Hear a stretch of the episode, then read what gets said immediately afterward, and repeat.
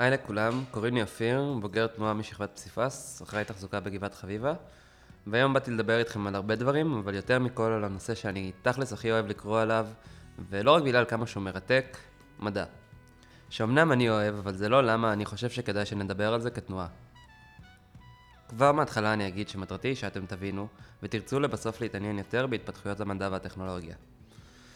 אז תכלס הכל התחיל מצפייה בסרטון ביוטיוב, כמו חצי מהרעיונות המעולים שלי וחצי מהרעיונות שאני מצטער עליהם לחלוטין, אבל uh, חשבתי ששווה לנסות.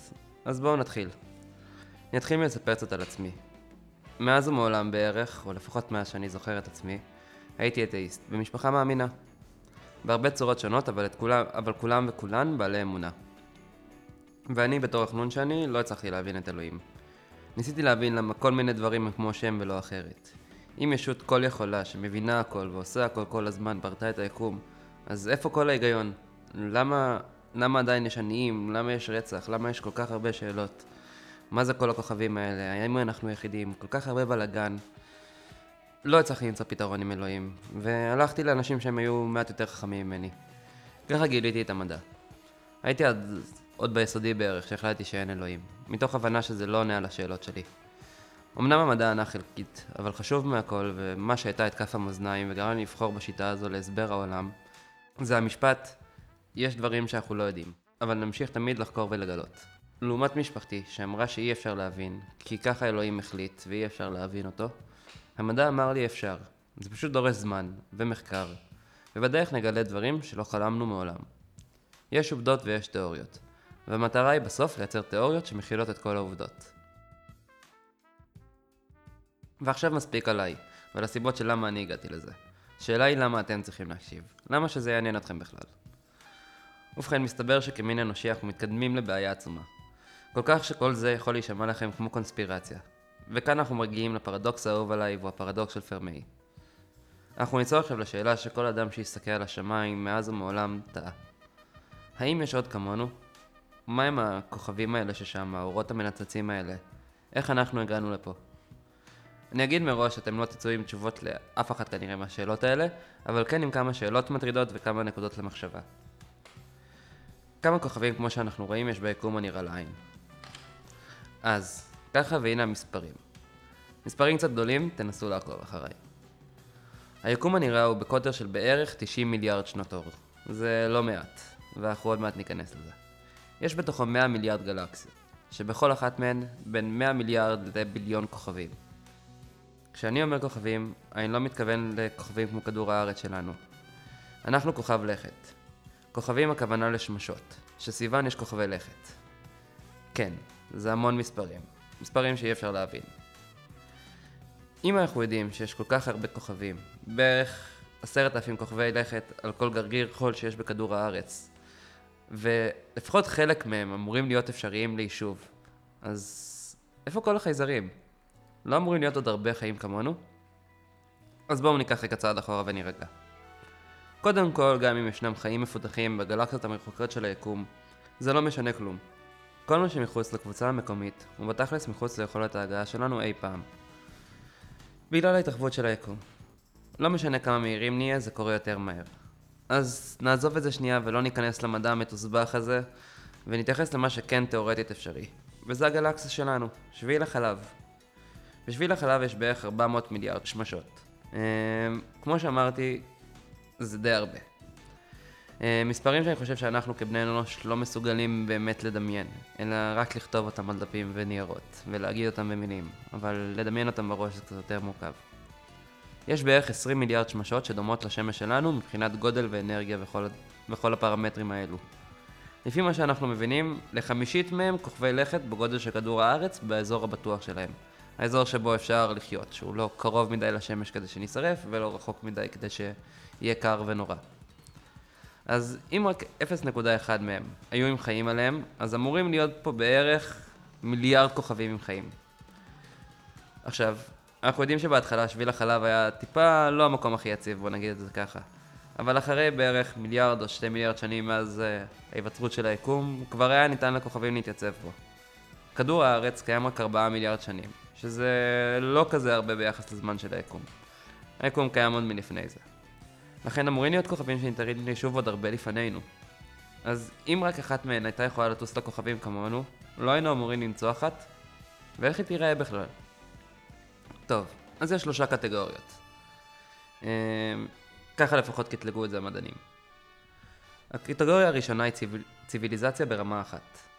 ציוויליזציה ברמה אחת אמורה להיות מסוגלת לנצל 100% מהאנרגיה של כוכב הלכת שלה. אנחנו עוד די רחוקים מזה, אבל אנחנו נשים את עצמנו שנייה בצד. ציוויליזציה ברמה 2 אמורה לשלוט בכל האנרגיה של השמש שלה. זה דורש מבנה על ברמה של מדע בדיוני, אבל אפשרי בתיאוריה, כמו מבנה בסגנון הספירה של דייסון. מבנה ענק שמקיף שמש לחלוטין, ומשגר את כל האנרגיה שלה לכוכב מסוים. אם אתם תרצו אתם יכולים לקרוא על הדברים האלה, זה ממש קל להגיע למידע הזה, ויש סרטונים מאוד מופשטים ביוטיוב שאתם יכולים לראות. ציוויליזציה רמה 3 אמורה לשלוט בחלוטין בכל האנרגיה בגלקסיה שלה. גזע בסגנון הזה יהיה כל כך מתקדם שאנחנו בכלל לא מסוגלים לדמיין את מה שהם מסוגלים ויודעים. הם יהיו כמו אלים בשבילנו. עכשיו דמיינו שהיו לנו ספינות שיכולות להטיס אנשים ולהחזיק אותם לאלף שנים. ככה לקדם כמה דורות בתוך חללית. היה לוקח לנו בערך שתי מיליון שנים לכבוש את כל הגלקסיה. זה נשמע הרבה, אבל כמו שאמרתי, יש הרבה כוכבים פה. שביל החלב ממש גדול. ומבחינת הגיל של היקום זה מעט מאוד זמן. כדור הארץ בין 4 מיליארד שנים, כמו שאמרנו. יכולים להיות כוכבים בעלי גיל הרבה יותר מבוגר משלנו, שיכולים להיות בהם הרבה יותר מינים של בעלי חיים, שבהם, שהיו קיימים הרבה יותר זמן מאיתנו. השאלה הגדולה היא, איפה כולם? זה הפרדוקס של פרמי, ולאף אחד אין תשובה מדויקת אליו. אבל יש לנו כל מיני רעיונות. בעיקרון פרמי עשה את זה כזה משוואה מאוד יפה שמחשבת את כל הפרמטרים. אבל אנחנו נימנע מהחישובים המדויקים וננסה יותר להגיע לרעיון עצמו. זה גם השלב שבו אתם צריכים ממש להקשיב. כי פה אנחנו עומדים לדבר על משהו שעומד להיקרא הפילטרים הגדולים באנגלית, וזה דבר ממש בעייתי. אז מה הם הפילטרים הגדולים? טוב, דמיינו לעצמכם מכשולים גדולים שחיים צריכים לעבור על מנת להתפתח. נגיד הראשון הוא שכוכב הלכת יהיה בתחום הבטוח של השמש. אחד נוסף יכול להיות הקיום של מים אולי, המעבר מיצורים חד-תאים לרב-תאים, שלנו לקח כמה מיליוני שנים. לאחר מכן מעבר ממלכת הים ליבשה, וכו' וכו'. במובן הזה אפשר להסתכל על שולטי הכוכב הקודם שלנו, הלא הם הדינוזאורים, שאחד הפילטרים שהם נכשלו לעבור היה מטאור גדול. נגיד, אם לנו זה היה קורה היום, אז אנחנו, יש לנו בונקרים וכל מיני דברים, ואנחנו כנראה היינו מצליחים לשרוד את זה. זה פילטר אחד, שהם לא הצליחו לעבור, אבל נראה שלנו זה לא יקרה. עכשיו נחזור שוב לחייזרים. לפי מה שראינו, שלא רק סביר להניח שיש חייזרים, אלא גם סביר להניח שכבר היו חייזרים הרבה יותר זמן מאיתנו. ולכן השאלה איפה הם. אז המסננים פותרים את זה בהבנה שיש מצב שהם פשוט לא הצליחו לעבור את כל הפילטרים כדי להגיע למצב של ציוויליזציה שנוכל לזהות.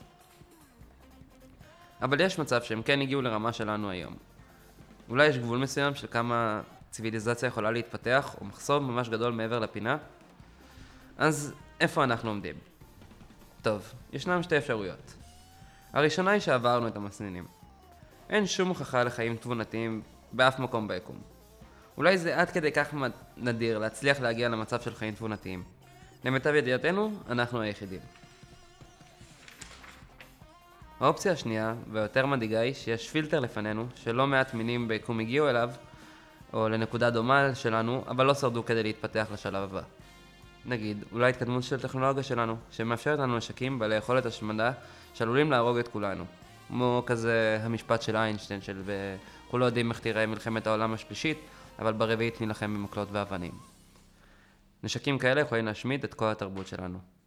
או שזה יכולה להיות פסולת שאנחנו מפזרים באטמוספירה, התחממות גלובלית, הכל בעיות שעלולות להיות המכשול הבא שלנו, כהתמודדות שלנו כמין האנושי. זו מחשבה חשובה לדעתי. כמין, אנחנו בני אדם שינינו את העולם בצורה חסרת פרופורציה לכל זן אחר, ולכן יש לנו גם מידה של אחריות למעשים שלנו.